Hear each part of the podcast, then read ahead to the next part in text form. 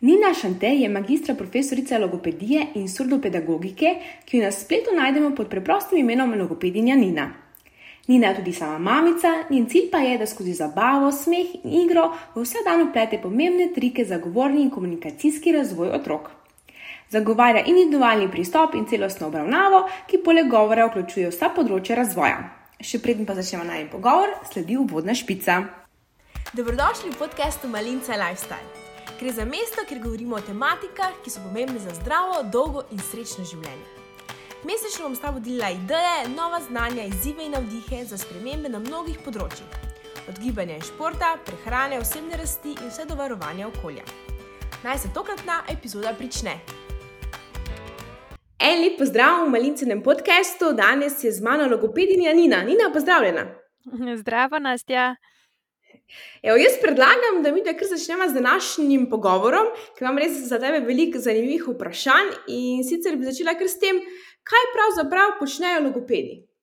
Uh, ja, imamo kar nekaj zanimivih vprašanj, in moram že zdaj najprej povedati, da jaz lahko za vsako vprašanje razlagam eno uro ali pa dve, uh, ampak bova probale tiste ta glavne stvari, ki so najbolj pomembne, ki se mi zdi, da staršem tudi največ pomenijo, uh, da bova to osvetlile. Uh, logo, logopedi, logopedi se ukvarjamo z razvojem komunikacije, govora in jezika. Tako, te tri področja moramo vedno omeniti, ni vse sam govor, kaj mi ven iz sebe damo. Uh, in seveda potem z vsemi težavami, ki spremljajo razvoj teh področji. Smo prisotni od uh, rojstva, pa vse do tam nekega zaključka našega življenja, tako da delamo v bistvu tudi recimo, na področju hranjenja in požiranja, že pri najmlajših, pa tudi pri tistih, ki so že v starejših letih, ko nas mogoče doleti kakšna kap ali tumor in je potrebna rehabilitacija. Tako da smo praktično kratko, vse povsod. Zdravstvo, vzgoje in izobraževanje, tudi privat, uh, zasebna praksa, tako da nas, uh, nas rabijo na vseh različnih področjih. Sam verjetno še vse največ pa delate z otroci, ali? Um, Ja, recimo, da če bi gledali vso razporeditev, bi lahko rekli, da je največ pa usmerjeno v otroško populacijo. Ampak se nekako prerasporedi uh, zdravstvo in vzgoje in izobraževanje, da se pač tudi dela po vrtcih in šolah. Zakaj pa največkrat starši pripeljejo otroke k logopedu? Kaj so najpogostejši vzroki? Zdaj, trenutno najpogostejše bi rekla tako težave z glasom R, pa šumniki ker je to tisto, kar se najbolj sliši, kar najlažje starš ali pa okolica sliši, da ni ok. Uh, ali pa mogoče, da otrok pri treh letih še ne govori, ali pa ga noben ne razume. Uh, so pa zdaj v zadnjem času tako v precejšnjem porastu uh, težave, ki so bile prej bolj izjema. Um, en tak primer, če da mi recimo neustrezna izgovorjava TD, še tam pri treh, štirih letih, uh, to pa sta glasova, ki jo pričakujemo že zelo zgodaj v razvoju. Zakaj pa, kaj pa razlog temu, a, a veste? A, jaz mislim, da zdaj v zadnjih parih letih, um, pač en del je bila itek korona, ki nim, nim, nam je prinesla svoje zabavne zadeve, uh, plus to, da se mi zdi, da vsako leto, če dalje bolj hitimo, če dalje bolj se nam vse povsod mudi in nimamo uh, več kvalitetne komunikacije, ki pa je tista ključna za, za pač razvoj govora in jezika vsega. In to se mi zdi, se pol kaže v takih res teh izjemah, ki, o ne, teh težav nikoli nismo imeli, zdaj pa so kar prišle. Da mi zdi, te, te hitrosti. Pa so to v bistvu, kar si naštela, ti šumniki, pa R, pa zdaj, ko si rekla, še tele, kar je nas na novo pojavilo. So to neke najbolj pogoste napake, govorne napake, ki jih imajo otroci, ali še kaj druga, ki se pogosto pojavlja? Zdaj, če gledamo tako te govorne uh, napake in motnje, so to te motnje artikulacije, izgovorjave. To je tako ena najpogostejših stvari, ki so opazne. To, kar sem že prej omenila. Da, da se sliši, da otrok nekaj izpušča ali pa popači ali pa zamenjaš z nekimi drugimi glasovi. Uh, imamo pa tu potem tudi, recimo, kakšne uh, motnje ritma, uh, najbolj poznamo je slanje, zraven pa damo še glasovne motnje, ki tudi niso tako zanemrljive. To recimo, vem, da je otrok vas hripal vse čas. Uh, ampak tukaj v praksi vidim, da, da so v otroštvu zelo malo krat obravnavane, da se tle na teh glasovnih motnjah, pa bolj tam, ko so kašne učiteljice, ki imajo že veliko enega uh, govorjenja za sabo, pa se pojavijo kašne težave, da se takrat bolj obravnava. Um, to mi rečemo, da so to, kar sem zdaj naštela, da so to govorne motnje. Veš, kaj sem ti že na začetku rekla, da imamo pač komunikacija, govor in jezik. In imamo potem, recimo, pa komunikacija, eh, kjer gre za težave v dejanskem, pač kako mi komuniciramo, kje se nam ustavi, kje so težave. Jaz bi tukaj mogoče omenila eno zadevo, ki ji rečemo selektivni motizem, uh, kjer gre za to, da otrok ima sicer dober razvoj govora in jezika, da zna super govoriti da doma noben problem, ko kažna navita urca. Potem pa pridejo določene situacije, ko pa po domač povedan zamrzne in nič ne komunicira. Recimo v vrtu bodo rekli vzgojiteljce še po pol leta, po devetih mesecih ta otrok ne govori. Mm, in niti ne bo dajal od sebe nekih znakov, da, da sploh res zna govoriti, ker tudi neverbalno ne komunicira, tudi ne želi, recimo, kaj pokazati, ko ga ti vprašaš. Um, to se mi zdi ena taka stvar, mogoče da zdaj v zadnjem času mal pridobiva tudi na ozaveščanju, ker mi zelo mislimo, da pač. Otrok ne govori, noče govoriti, in z njim je nekaj ful narobe, on je, oh moj bog, oh moj bog, ampak v bistvu je lahko to otrok, ki se super razvija, sam ima tukaj to neko blokado, neko težavo, ki je ne zna sam premostiti. Ampak to pa tudi danes, ko logopedi pomagate pri takih stvarih. Ja, uh, pomagamo mi z, z neko pač, da usmerjamo starše, kaj delati, kaj ne delati, ker tukaj je spet potreben mal drugačen pristop uh, do teh otrok. Ne? Sploh na tem področju, da ne siliš, ampak res veliko ustvarjaš pozitivno vzdušje, pa počakaš, da se otrok dobro počuti in ga potem, recimo, šele kaj vprašaš, uh, da se načeloma izogibaš vprašanjem kar nam je itek prva stvar, ki jo naredimo, sprašujemo gor, dol, levo, desno. Tako da ja, um, jaz večinoma se z njimi pač srečujem tekom uh, vzgoje in izobraževanja. Ko, ko z njimi, ko izpostavi recimo vrtec ali pa šola, da ta otrok ne govori, potrebuje res pomoč vsak teden. Um, takrat se največ srečujem z njimi. Uh, se mi zdi tako v zdravstvu, da kar hitro radi grejo izven sistema, ne vem, nekako spouzi sploh kot starš reče, ja, ja, doma vse govori, je vse super, in se ne pomisli na to, da je mogoče pa resna neka težava v ozadju. Kateri otroci pa so sploh upravičeni do, do logopeda in ali pač to dobiš na, do, na potnico, kako poteka ta proces, kako pride do vas? Do logopeda v zdravstvu so upravičeni vsi otroci. Vse to je pač del zdravstva. Zdaj, ali dobijo napotnico, pa kdaj pridejo do logopeda, to je pa ena čist druga zadeva. Um, je kar težava v slovenskem prostoru. Uh, večinoma pediatri tako zelo ne radi, sploh pošiljajo naprej do nekje tretjega leta. Uh, pri tretjem letu imajo otroci tudi sistematski pregled, kjer se mal podrobneje pogleda tudi tako, uh, govor. Uh, ampak so zelo tako, do tretjega leta naj bi kar otrok še imel čas, Uh, potem pa že mogoče prideš, da ti izdajo to napotnico, da bi prišel do logopeda, pa naletiš na grozne čakalne dobe. Vas je premalo? Ja, niti nima vsak zdravstveni dom logopeda. Uh, že to, potem pa ja, v zadnjem času je zelo porast uh, z, z težavami, in to se sam potem nalaga pač v čakalno dobo.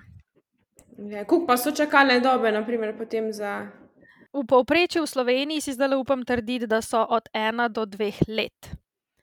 Kar za, ojoj, otroka, za otroka v tem predšolskem obdobju, ko bi ti mogel kar hitro kaj narediti. Šele, pa če si ima pri nas v novem mestu, trenutno zdaj le nekje dve leti um, čakaš na prvi pregled, kaj šele potem neke obravnave. Um, tudi, recimo. Mm, tisti, ki so srečni, dobi, so lahko tako srečni, da dobijo obravnavo.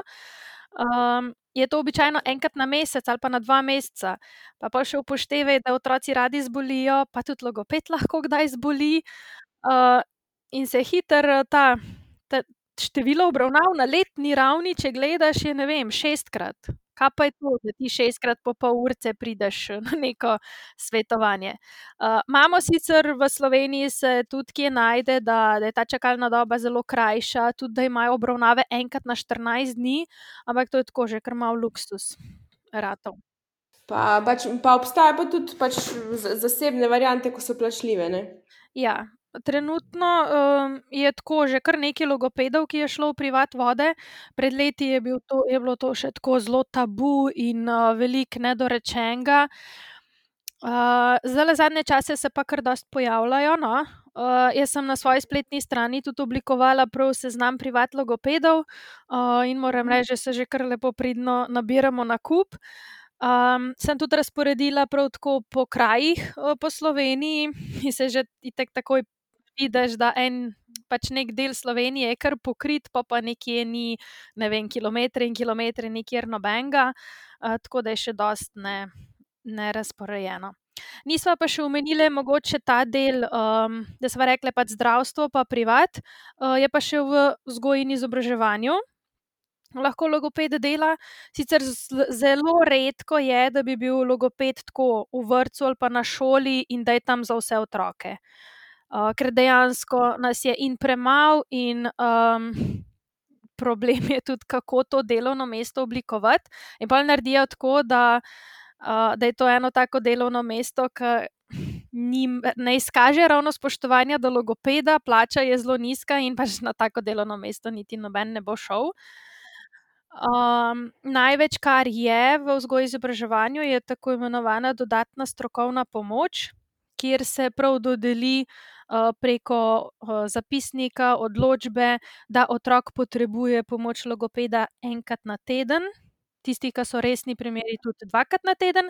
Uh, in če uspe vrtec ali šola dobiti nekega, rečemo, ponavadi mobilni logoped, um, da prihaja pač vsak teden po urniku k temu otroku in se potem na tedenski ravni uh, dela. Tako da to je tudi ena oblika, kako se dela z otroki. Se sodeluje z njimi. Kdaj pa, ima, kdaj pa ima otrok čas, da se nauči pravilne izgovorjave, kot je naprimer črka R, se mi zdi, da je najbolj tak pogost problem. Jaz vem, da sem hodila logopedo, ko nisem znala črke R reči, pa me zanima, kdaj se da nek čas otroku, da se to nauči. Ja, imamo neke predvidene menike, kdaj naj bi otroci usvajali posamezne glasove. Um, in bi se mal tega dotaknila, pa bo iz tega tudi prišle pol, kako, kdaj, kdaj zdaj pa je čas. Uh, zdaj, recimo, že dojenčki obvladajo samo glasnike. A, E, I, O, U, mhm. tega je polno že takrat. Potem, nekje do drugega leta, pa predvidevamo, da bodo vsi že osvojili P, B, M, N, J, T in D. Potem, do tretjega leta, nekje dodamo še K, G, H, ter V in F, pa nekje tri, pa pol, pride še L. L je v zadnjem času tudi eden zelo problematičnih. Uh, v letos, recimo, sem sploh srečala ogromno primerov, ki pri petih letih še zamenjujejo z glasom J, kar je kar problem, ker gre čez za drug gib. Um, potem pri štirih letih nekaj pričakujemo sičnike, to so SZC, in pa pri petih ali pa pet pa pol šele pride glas R, ter uh, šumniki ŠŽČ to je nekako ta smernica tega, kar se ravnamo. Tako da, če pride k meni ena mama pri treh letih, joj, naš vse zna, sam rojane. Ja, gospa, res ima še čas, ker v miru počakajte, ni še treba zganjati panike, pa iti v neko obravnavo. Um, pač zdaj te mejnike, ki sem povedala, to ne pomeni, da recimo tudi dveletnik lahko že zna sam reči R, lahko tudi pri treh letih otrok obvlada že vse glasove. Uh, sam pač ne delamo še panike, oziroma niti ne bo logoped sprejel otroka v obravnavo, če še nekako ni ta starostna meja za določen glas uh, dosežena, ker se pač smatra, da, da so otroci do te starosti še čist zmožni sami priti do tega. In če sami pridejo do določene pravilne izgovorjave, je to najlepše, to najlažje, najboljše, to sam, aleluja, bodimo veseli, pa to je to. Pa je, pa je pa kdaj prepozno, da se naučiš neko črko izgovoriti, ali pač ne vem, tudi če pred desetimi ne znaš, še pol opcije, da se naučiš črke R. naprimer. Zdaj uh, pač nikoli ni prepozen. Tudi ko smo mi, ne vem, odrasli pri 40-ih, če se odločimo, se lahko naučimo neke pravilne izgovorjave določenega glasu, ki vemo, da nam še dela težave. Uh, je pa tako, da z vsakim pretečenim mesecem, z vsakim pretečenim letom je težje, ker moramo mi vložiti veliko več truda, da, spremenim, da spremenimo nek vzorec, ki je zdaj že več let treniran. E, če si predstavljaš, da ti, ajde, če gremo tole na 40, da ti v bistvu že 35 let si utrjeval en in isti glas na en in isti način in je tok zakoreninjen v v tvoje možgane, da, da moraš res zelo, zelo ozavestiti, da sam sebe popravljaš, spreminjaš ta vzorec.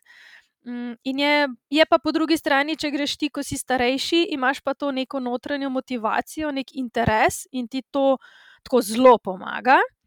Uh, in se mi zdi, da je najtežje tam nekje od tretjega razreda pa do enega 16-17 leta, da v tem obdobju je pa najtežje delati z otroki, uh, ker jim je tako, nimajo tistega pravega interesa v sebi, ni ta prave motivacije, in ti lahko pa se na glavo postavljaš. Pa, dokler se otrok ne odloči, da on to hoče spremeniti, ne boš veliko naredil. In se največ da narediti pa v tem obdobju pred vstopom v šolo, ker je tudi otrokom še tako veliko stvari zanimivih, pa radi bi, so željni, nimajo še toliko občutkov neuspeha. Se mi zdi, da pa tudi to v osnovni šoli, no, kaj bom jaz to tle delal, itek nimam pojma, itek ne znam. Mm. Tako da pred vstopom v šolo je tako pa tako fajn, da se vsi glasovi uh, izoblikujejo pravilno, zato ker pride pa že opismenjevanje in treba to že dati v uporabo. Čeprav marsikaj se tudi da v prvem, drugem razredu narediti, Ampak ja, takrat je otrok že tudi poln vseh nekih obveznosti s šolskimi stvarmi in je lahko vsega preveč in to nekako zavira napredek. Ampak rečva, da tam do sedmih let nekje se da delati čudeže. Ja. Pa torej, kdaj se otroci učejo, če govori? Torej, do osnovne šole, uh, pa kaj naredimo, če otrok ne vem, dolgo ne govori? Um, Zdaj, ki si omenila to do osnovne šole, nekako nekje pri petih letih že pričakujemo, je tak razvojni mejnik, da otrok zna, zmore govoriti kot odrasel. Uh, to ne samo zdaj z vidika tega govora, glasov, ne, ampak tudi uh, jezikovno, kako, katere besede uporablja, kako uporablja uh, stavke. Um, in tudi, če kakšni šumniki še ne grejo, ne, uh, ni to tak problem. Uh, ker še vedno, tudi, če se ti pogovarjaš z enim čistujcem, te bo vse razumel, te bo sto procentno v bistvu razumel vse, kar si povedal, ker je to neka minimalna. Uh, mislim, zmore vsak neznanec tudi preklopiti, kakšne napake delaš, in, in te potem vse razume. Zdaj, kdaj se pa zadeva začne, je pa v bistvu že takoj po rojstvu. Tako kot smo prej rekli, da že kmalo po rojstvu začnejo z raznimi samoglasniki in raznimi približki samoglasnikov, ni vse to samo to, kar mi poznamo. In potem pri nekje pri prvem letu začnejo dodajati te soglasnike, B, M, B.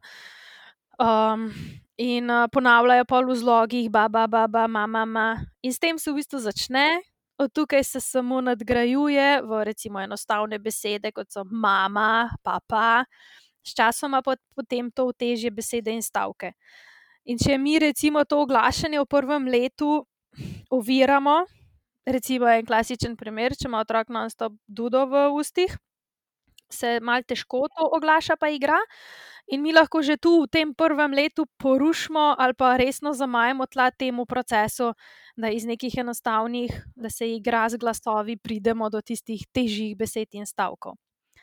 Uh, mogoče tukaj lahko predlagam eno knjigo, Logopedinje Nives Skamlič, od joka do prvih besed, ki opisuje ravno to obdobje prvega leta, kaj dojenček vse že zmore, katere aktivnosti so spodbudne za ta obdobja, za razvoj govora in jezika. In uh, nič ni narobe, če bo kdo prebral knjigo, ki je otrok že malo starejši, ker nas pravzaprav pelje skozi vse te temelje razvoja govora in jezika, da mi vemo, kako se mi sploh naučimo. Um, pa ravno pri tem, če otrok dolgo govori. Imam jaz tudi trenutno aktivno spletno predavanje, moj otrok ne govori. Uh, je plan, da bo to predavanje na voljo vse čas.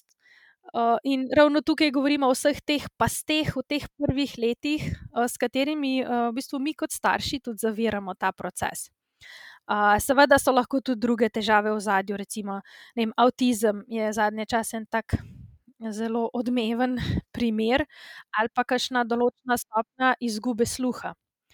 Uh, v vsakem primeru, če vas skrbi, je na prvem mestu obisk pediatra, da se pediatru izpostavi problem on je tisti, ki potem napoti naprej. Zdaj, ali je to mogoče celo razvojna ambulanta, kjer cel tim pogleda otroka, ali je to ORL specialist, ki pregleda tudi sluh, a, mogoče celo že napoti naprej k logopedu, ampak kot sem že prej omenila, ne gre to tako zelo hitro. Um, okay. Mogoče pa, tako kot smo že prej predlagali, pa tudi kakšna um, logopedija v zasebni praksi, da se vsaj pač kakšna, ne vem, urica svetovanja naredi že prej in se prepreči neko kupičenje težav, ki se običajno rade, ker potem samo uh, širijo. Kako pa lahko otroka spodbujamo pri govorjenju in napredku pri govoru? Zdaj, jaz še posebej o tej temi pa res lahko bolj dolgo govorim. Ampak, če se nekako tako malo sredotočim na tiste glavne stvari, um, je glavno ponavljanje. Mi se vsega naučimo s ponavljanjem. Zdaj, ko otrok neko besedo sliši večkrat v podobni situaciji, ji bo na ta način določil pomen. Recimo, mm, vajo z Matejem, zdaj le vsakič, ko Filip pride domov, boš ti rekla, a ti tudi če imata drugače, da je ta primer. Yeah. In se bo yeah. Mateo s časom naučil, če boš ti to vsak dan, pa mogoče vsak kakšen dan dvakrat delala, bo on povezal ta skupek teh glasov Ati z dejansko okay. osebo Filipa mm, in bo on dal pomen tej besedi. In ko bo zdaj ta pomen imel on osvojen, ga bo imel lepo v glavici, nekje, ok, a ti, to je ta oseba tle, jo bo potem poskušal uporabljati v govoru. Ampak ko bo prvič to naredil, verjetno ne bo natančen in bo mogoče čist neki ta tretga ali pa ne vem, AI, da bo sam to. In spet tukaj on rab ponovitve, eh, da bo to treniral, pa preizkušal govorila, pa da bodo možgani dejansko testirali, kaj zdaj mi moramo narediti, da bo tle ven prišlo, tako kot je mami rekla, a ti. Um, In spet s ponovitvami šele uspemo mi izgovoriti pravilno. In se vse res vrti okoli tega ponavljanja. In zato je recimo zelo pomembno uporabiti te dnevne rutine, kadar delamo in tako eno in isto vsak dan. Da takrat tudi otroku govorimo ene in iste besede, neke kratke stavke, uh, da jih v enih in istih situacijah uporabljamo uh, in jih bodo potem prej začeli uporabljati.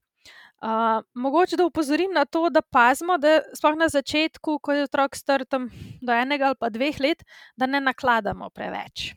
Ker potem ima otrok čist preveč teh besed, ki jim mora določiti pomen. Um, če si predstavljaš. Torej, v bistvu ni fajn, da bi ful veliko govoril z otrokom. Na začetku, tam leto, dve, je fajn, da se bolj ja. osredotočimo na vsaj, ko so te rutinske stvari, da se res ponavlja okay. ene in iste besede, da si mi domislimo nek pač nabor besed in jih ful ponavljamo. Pač to ne pomeni, da bomo zdaj cel dan pa tako, o, zdaj bom pa tiho, ker tri ure bom tiho, ne bom razlagala. Ne pač v tej ja. skrajnosti, ampak da je naš fokus bolj na tem, da je manje več samo po ena beseda, dve besedi skupaj, ker bo to hitrejše razumel um, in bo hitrejš potem tudi on začel izgovarjati. Ker zdaj, če pa preveč tega, mora on to vse zdaj. Po predalčku v možganih, aha, to je to, tisto je tam, to še ne vem, kaj je, in nekako, v bistvu, nima časa se ukvarjati pa z izgovorjavo, kako bi pa to ven prišlo. Okay. Uh, Tle pa mogoče še poudarjam, da pazimo, kako mi govorimo. Zdaj, če bomo okay. mi neki pačeli besede, pa glasove, uh, se otrok ne more potem naučiti pravilno. Uh, in da mi, pomembno je, da mi pravilno govorimo, že odkar se pač otrok rodi. Ker, Kaj to misliš, da je slovnično pravilno? In počasi. Ali? Ja, ne mislim zdaj tle uno tisto hladno slovenščino, ker tega tudi jaz tako v bistvu ne maram, ker, ker je spet neka, um, bi rekla, to je neka čist naučena zadeva, ki je mi vsak dan upol ne uporabljamo. Ne? Vi doma, Ja. ko greste na piknik, vi ne govorite to čisto tisto zborno knjižno slovenščino, ampak neko pogovorno varianto. Uh, pač tako, da so zadeve čim bolj pravilne, pa da so v stavku pravilne, ne pa da je vse neko popačenje, pa uh, milijon vse samo neke domače besede, narečne. Pravim, da zdaj se tu se mi zdi, da veliko angliških besed uporablja v, v pogovoru, no, vsaj določeni ljudje, a ne si. Radi, mi smo že nekako tako navajeni tega. Um, meni se zdi, da tako, da zdaj ne da bom rekla, da je to narobe, ampak uh, moramo zraven mi tudi povedati um, slovensko varianto. Če mogoče grem Ja. uh, bolj na to foro narečja pa domačih besed. Če mi rečemo paradajz, ne bo s tem nič narobe. In tudi če otrok, zna, uh, kot mu boš pokazal paradižnik in bo rekel paradajz, to ne pomeni, da je narobe. Uh, važen je, da se mi tle ne zadovoljimo in, uh, in zraven uporabljamo tudi paradižnik. Da je kdaj tudi zraven, da sliši v bistvu oboje. To, Okay. um, ja, to sem hotela reči, da veliko krat ujamem starše, da, da, si, da so pač tako. Pa se jim še ne razume čist, ne, pa malo popačijo, ker ne vem, kot bi imeli v ozadju neko raz, um, mišljenje tega, da če bomo mi govorili kot dojenčki, da nas bodo bolj razumeli. Ampak ni to čist res. Uh, Okay. bova še malo pol naprej neki na to temo. Uh, skratka, to je, če mi začnemo, uh, ko se otrok rodi, pa da že popačeno govorimo, uh, mi ne zaznamo čez čas sami sebe, kako govorimo. In ni, da bomo pa zdaj, ne vem, en dan se zbudili in rekli: O, danes si pa eno leto star, moram jaz paziti, kako govorim. Ne, mi to, mi to sploh ne opazimo, da mi na robe govorimo. In če mi na robe govorimo, ne damo otroku te pravilne uh, možnosti, mislim, pravilne izgovorjave. A, a pa govor otrok res ne smemo popravljati. Uh, ja, moj odgovor je ne. Sploh v teh prvih letih, ko se otrok še uči. Uh, Okej. To, kar smo se pogovarjali, da ko, da ko prvič neke stvari reče, ali pa ko jih začenja govoriti, ne moramo pričakovati, da bo prav reči, da bo prav rekel, da bo zmogel prav Mhm. reči. Uh, in mi ga potem s tem popravljanjem opozarjamo na napako, za katero on niti ne ve, in še manj okay. ve, kako jo popraviti. To je tista glavnina tega problema, če mi, ne vem, dveletnika, triletnika popravljamo. Uh, že prej smo govorili o tem ponavljanju in kako otrok s ponavljanjem krepi boljšo izgovorjavo. Zdaj pa, da to lahko naredi, mu mi moramo podati primeren zgled. Ampak to mora biti v pozitivnem vzdušju, ne v tej negativi, ki jo prinese popravljanje. Uh, in to lahko naredimo, da ko otrok nekaj reče na robe, da za njim pravilno ponovimo in to čim bolj v neki spontani situaciji. Uh, lahko tudi rahlo poudarimo tisti del, kjer se je otrok zmotil, ker bodo tako možgani tisti poudarek bolj zaznali in naslednjič uh, bolj upoštevali, ko bodo dajali ven te ukaze za izgovor določene besede. Recimo, če otrok reče: uh, Mami, lej zoga, je potem vaš odziv: O, žoga. Da pač je še vedno v nekem kontekstu, v nekem odzivu, ampak tista žoga, ki je bila prej problem, ste jo vi še enkrat pravilno uporabili. In res mora biti ta govor neka pozitivna izkušnja. Zdaj, če mi bi njemu pa rekli, pa to ni zoga, žoga reči. To je takoj nek ta negativizem in uh, popravljanje, je opozarjanje, da je z otrokom nekaj narobe. Otroci to čist drugače dojemajo, oni nekako pol razumejo, aha, z mano je nekaj narobe. Ne s tisto besedo, Ja. ampak jaz sem narobe. In pa delamo neke dodatne probleme, ki jih ne rabimo. Um, zdaj, čist brez popravljanja sicer ne gre. To je tudi eh, tako realno zapovedati, ampak mi to Ja. popravljanje res uporabljamo v situaciji, ko dobro vemo, da otroku ne bo predstavljal problema, da ga po domač povedano ne gane veliko, če ga popraviš, da je včasih mogoče celo vesel, da si ga popravil, da lahko on sebe popravi. Uh, in takrat, ko vemo, da otrok zna to napako prepoznati, da ve, da je pač je ta napaka v govoru, ki je neki en glas ali pa nekaj povedal narobe, in tudi ve, kaj mora narediti, da bo popravil. Uh, v logopedski teoriji je običajno uh, terapiji, pardon, logopedski terapiji, je običajno to, ko otrok že dobro pozna sistem, kako mi delamo, kako se nek glas izgovori, in rab sem še utrjevanje, da bo prenesel v, to, v ta spontan govor.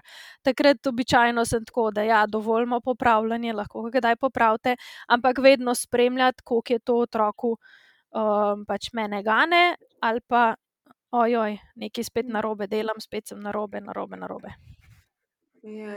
Kaj pa branje pravljice, tudi spodbuja učenje govora pri otroku? Uh, ja, je pa bi rekla, da vedno koristno za razvoj govora in jezika. Uh, mogoče, kar smo prej um, govorili o tem, da, da ni pametno na začetku veliko uh, govoriti, pa vse te daljše strukture, mogoče še tukaj se mal navežem na to. Zdaj, če, ko je še dojenček, če mu vi berete in vas posluša, je to fajn, zato ker je na ta način obkrožen s slovenščino in slovenskimi glasovi in na ta način bo opuščal neke glasove, ki jih on izgovarja, ampak jih mi v našem jeziku ne najdemo. Se bo na ta način res srečeval s tem, kateri glasovi v slovenščini so, in se bo srečeval z neko melodijo, ritmom govora to je v tem začetnem, ko vemo, da niti še ne razume pravljice, ne? je vseeno koristno, da se mu bere. No, kasneje pa so ključne za razvoj besedišča in stavkov. Ampak tam pri dveh, tri letnikih jaz poudarjam, da raj ne beremo zdaj točno tako, kot piše, sploh če imamo kakšno daljšo knjigico, ampak smo pozorni, da bomo povedali tako, da bo otrok razumel. Zdaj, ker če je veliko nekih novih besed, otrok ne bo razumel, kaj je vsebina. In če si predstavljaš, če je nek petbeseden stavek in od tega otrok treh besed ne razume, ne bo razumel, kaj ta stavek pomeni, kaj, kaj želimo s tem povedati. In sčasoma ne bo zanimivo, ne bo želel poslušati, ker pač šitek ne razume, zakaj se gre.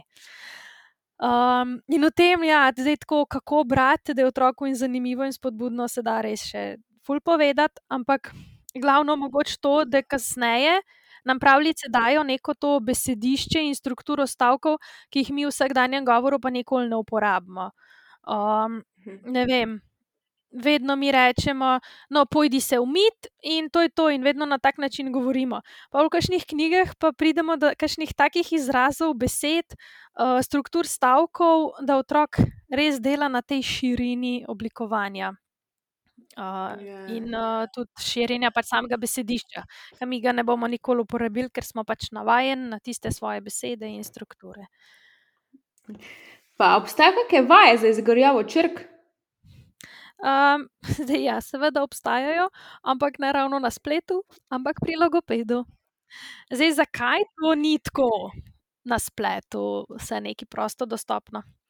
To je zato, ker je toliko enih dejavnikov, ki vpliva na izgovor, eh, da mora logoped kar precej biti pozoren in sproti ocenjevati, katere vaje so za koga primerne, katere so smiselne. Skoraj skor nikoli ni tako, da bi šel res po, uh, kot po knjigi, da bi pridobival nek glas. Vedno logoped to vse neki ocenjuje, kaj otroku gre, kaj mu ne gre. Um, staršu je pa to težko, ne? in starš pač neki dela in ne ve. Če bi delal po eni vaji, ki jo najdeš na spletu, uh, in ne veš, aj prav, aj narobe, kako je, kaj je. Uh, in zaradi tega tudi tega tok ni, iz tega, da mal se prepreči um, izvajanje nekih napačnih vaj, ki delajo neke napačne uh, izgovorjave, ki jih je pol še težje popravljati. Zdaj, kar uh, obstaja, recimo za starše, je ena informacija o tem, da se vsega naučimo s poslušanjem in ponavljanjem. In če mi pravilno govorimo, in tudi vse te raznolike glasove uporabljamo pravilno, um, zelo zmanjšamo te možnosti, da bodo neke težave ali pa bodo te težave res hitro rešljive. Zdaj malo pažam, da smo pozabili na razne te. Um, Ne vem, kot že rečemo, afnanje, igranje, da mi te glasove pač vklopimo vsak dan. Tako, gremo na sprehod, ja. pa slišimo žago. O, slišiš, že nekdo žaga. Da ti ta že uporabiš tudi z dveletnikom, da ni, a slišiš, zagamo. To je veliko bolj yeah. Ja. razširjeno, ampak kar pozabimo na te, da lahko dodamo nekaj, pa vodo odpremo, šš, evo, voda šumi. Uh, in se na ta način otrok sliši, tudi po enem letu, pri dveh letih se te glasove sliši, posluša, uh, grejo nekam. Mogoče lahko omenim trenutno knjigo uh, Gingo v deželi besed. To je ena taka knjiga, priročnik, ki vsebuje nekaj, nekaj več takih idej, pa na svetu, ki bi lahko rekli, da so malo bolj logopedski. Uh, okay. In pa klepetajva in se igrajva. Je tudi tako en tak priročnik z vajicami. Uh, Hodaj sem prišel za te knjige, dve, ko si um, priporočila, zdaj le, uh, od, od katerega leta naprej pač priporočate, kot staršem, zelo stare otroke, so to primerne. Da je Gingo, uh, da sami so zapisali, da je že od drugega leta naprej. Um, je sicer marsikatera vajica še težka, ampak vse. Neki, so pa neki začetki, pa da mogoče starš uh, prebere na svete, da ve, kako uh -huh. čez čas biti pozoren, pa delati. Um, zdaj klepetajva in se igrajva, je pa mogoče za mal bolj kasneje, bi rekla tam po četrtem, petem, okay. ki so že bolj vajice, tako dodelane. Tudi na nekem tem slušnem prepoznavanju, ki pa še le bolj kasneje pride. Glavno drugače pa to, da se mi pogovarjamo z otrokom pravilno, da pazimo na hitrost govora, da se vsi ti glasovi v besedah dobro slišijo, da mi uporabljamo različne besede, pa dolge stavke, pa predvsem, da pač komuniciramo z otrokom, da se pogovarjamo. Dan danes tega nimamo več, se mi zdi vse tako eno, no, vse smo, se, se pač cel popoldne smo skupaj, se družimo, a na koncu ugotoviš, da pač je vsak v nekem svojem pravilu in je sam tako, gremo jesti. Aha. In je to neka tako omejena komunikacija na neko družinsko, uh, družinski vsakdan, ki je premalo, za, da bi bil pa zdaj spodbuden za govor in jezik. Cool. Mislim, da si dala res zelo nekaj dobrih istočnic na svetu, tako da hvala. Imam še uh, dve vprašanje za tebe in sicer me zanima, uh, kak je pa z jedlanjem pri otrocih? Uh, Eclan je tudi kar ena taka pogosta zadeva in jaz imam do tega kar tako eno straho spoštovanje. Um, ne izvajam terapij, ker menim, da je za to potrebna res neka dobra usposobljenost. Uh, Veliko krat imamo tu v zadju tudi res nek tak psihološki vidik, uh, ki ga je treba vedno upoštevati. V Sloveniji imamo logopede, ki se ukvarjajo izključno z eclanjem in uh, če, ima, če je pač težava v tem, predlagam, da se uh, starši obrnejo direktno na njih, ne na katerega koli logopeda. Uh, če zdaj, če se je clanje pojavi, to še ni čas za paniko, uh, ker se pogosto pri dveh, triletnikih zgodi, da se pojavi kot um, neka posledica skoka v razvoju govora in jezika. Uh, pri tem je običajno težava v tem, da je glava nek polna misli, polna nekih novih besed in bi oni vse to radi povedali, ampak žilčni sistem, motorika temu še nista dorasla, še nista dovolj zrela in pride do zatikanj. Po domač povedan, misli prehitevajo jezik, usta. Uh, in je pomembno, da temu ne dajemo nobene neke pozornosti pred otrokom, ker otrok se takrat tega ne zaveda, da to dela. In če bomo mi zdaj to nekaj pa obesedili, pa dajali pozornost na to, se otrok lahko začne tega zavedati in to potem ostane zaradi tega. Uh, damo mu nujno čas, da pove, in neko mirnost, in načeloma potem. Včasih v nekaj dneh, včasih v nekaj tednih, s tem razvojem možganov tudi mine. Če pa se zadeva ponavlja, ali pa traja nekje pol leta, potem pa je čas uh, za kakšen posvet. Ok, kul, cool, to je fajn vedeti, za, za, za ne paničarmo, takoj ko pač pride do tega, ne, da je smiselno počakati. Ja, takih uh, vprašanj veliko dobim no, na to temo. Pri dveh ja. letih, pri treh letih, joj, tri dni nazaj je zač začel jeti slad, ojoj, ojoj, pa pa mal potipam, pa vprašam, a se vam zdi, da je zelo tako govorno neki napredoval. Ja, pa res, tako da včasih sem mečken za Okay. Zdaj še pa zadnje vprašanje za te in sicer me zanima, kako hiter po obisku logopeda so vidni, oziroma bolj slišni rezultati. Kako uh, vas moramo obiskati? ja, to smo se že prej pogovarjali o tem, da je res veliko odvisno od otrokovega interesa. Uh. To je, se mi zdi, da ena tista glavna, glavna, ključni dejavnik uspeha ali neuspeha. Je pa tudi odvisno od vrste in količine težav. Zdaj je razlika, ali otrok pride sam zato, ker sam glasu R ne zna reči, ali pa ima tako še en kup drugih glasov, ki ni ok, ali pa še kakšne komunikacijske težave. Pač vsaka dodatna težava dela dodatne težave, potrebuje dodaten čas. Poleg otrokovega interesa in te vrste težave, pa je odvisno tudi od starša, njegovega sodelovanja, upletanja vaj vsak dan. Če pač vi doma z otrokom ne boste nič delali, te obravnave pri logopedu ne bodo pač prenesle nekega velikega efekta, ker to gre. Rečemo, da ok, ima otrok enkrat na 14 dni terapijo, nekje po 45 minut. Zdaj, teh 45 minut na dva tedna, to je skoraj nič v primerjavi s celimi 14 dnevi, ko pa se lahko starš doma veliko več ukvarja, pa dela točno te vaje. Uh, seveda je tle še pogoj tudi ta, da je logoped tisti pravi, ki vaje preda na najboljši način. Še vedno imamo namreč marsikje, da starš niti ni prisoten na terapiji, na koncu v treh minutah na hitro se sam pove, kaj se je delalo. Uh, in tu ni tega, de, te demonstracije, vaje, kaj zdaj vi doma delate. Uh, potem pa pač starš je lahko še tako pripravljen za sodelovanje, če ne razume vaje, če ne ve, kaj točno delati, je pač tudi ne more delati. Tako da en kup teh dejavnikov vpliva.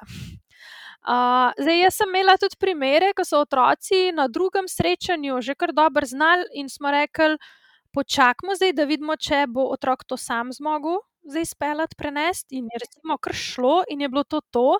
In meni je bilo tako, po kar nekaj letih dela, um, neverjetno, da je to možno, da se to da.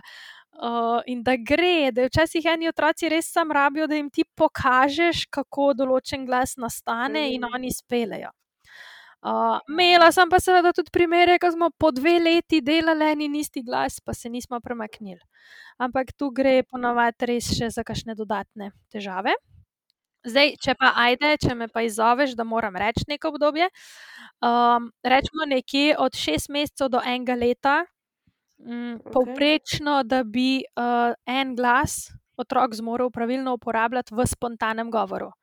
To pomeni, da pa res uh, dela vaje, ko delaš pač vajo, ko se spomniš, da moraš delati glas, potem je pa tista zadnja stopnja to, da ti sam uporabljaš, ko spontano nekaj govoriš. Zdaj si pa lahko tudi malo predstavljamo, kako to poteka, ko otrok pri petih letih pride k logopedu zaradi uh, težav z recimo vsemi sičniki, vsemi šumniki, pa še lojem, pa še rojem, šola pa v enem letu pred pragom. Je kar zabavno. Ja, je, je, potem. Uh, Nina, ful, hvala za te vse odgovore. Meni je bilo to zelo zanimivo. Uh, Resnih informacij sem dobila.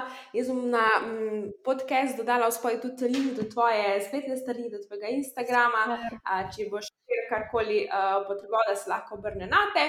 Uh, teda, to je to za danes. Še enkrat, ful, hvala za tvoje odgovore in uspešno ti želim vse. Ja, tebi, hvala za in vprašanja, in pripravljenost, in klepet. In, uh, to so res tako pomembne vsebine, ki se mi zdi, da nam če dalje bolj manjkajo, da grejo na okolje med starše, da, da preprečimo marsikatero težavo. No? Tako da, ja, hvala ja, ti. In vabljeni ja, tudi na moj Instagram in Facebook, kjer še kaj pametnega, ki je kdaj povem. Dobro, velja, hvala, čau, čau. Ej, hvala ti, čau. No, pa smo prišli do konca. Verjamem, da ti bo kakšna od informacij prišla prav na tvoji življenjski poti. Če imaš kakršno koli vprašanje ali predlog, mi lahko vedno pošlješ na moj e-mail nastjafnamalinca.si ali pa na zasebno sporočilo na Instagram malinca nastja. Ne pozabi stisniti subscribe, da ne zamudiš naslednjih epizod. Zelo vesela pa bom tudi tvoje ocene in mnenja pod to podcast platformo. Tako lahko pomagaš, da bo ta podcast prišel na hod tudi drugim poslušalcem. Imej lep dan in se slišiva spet k malu.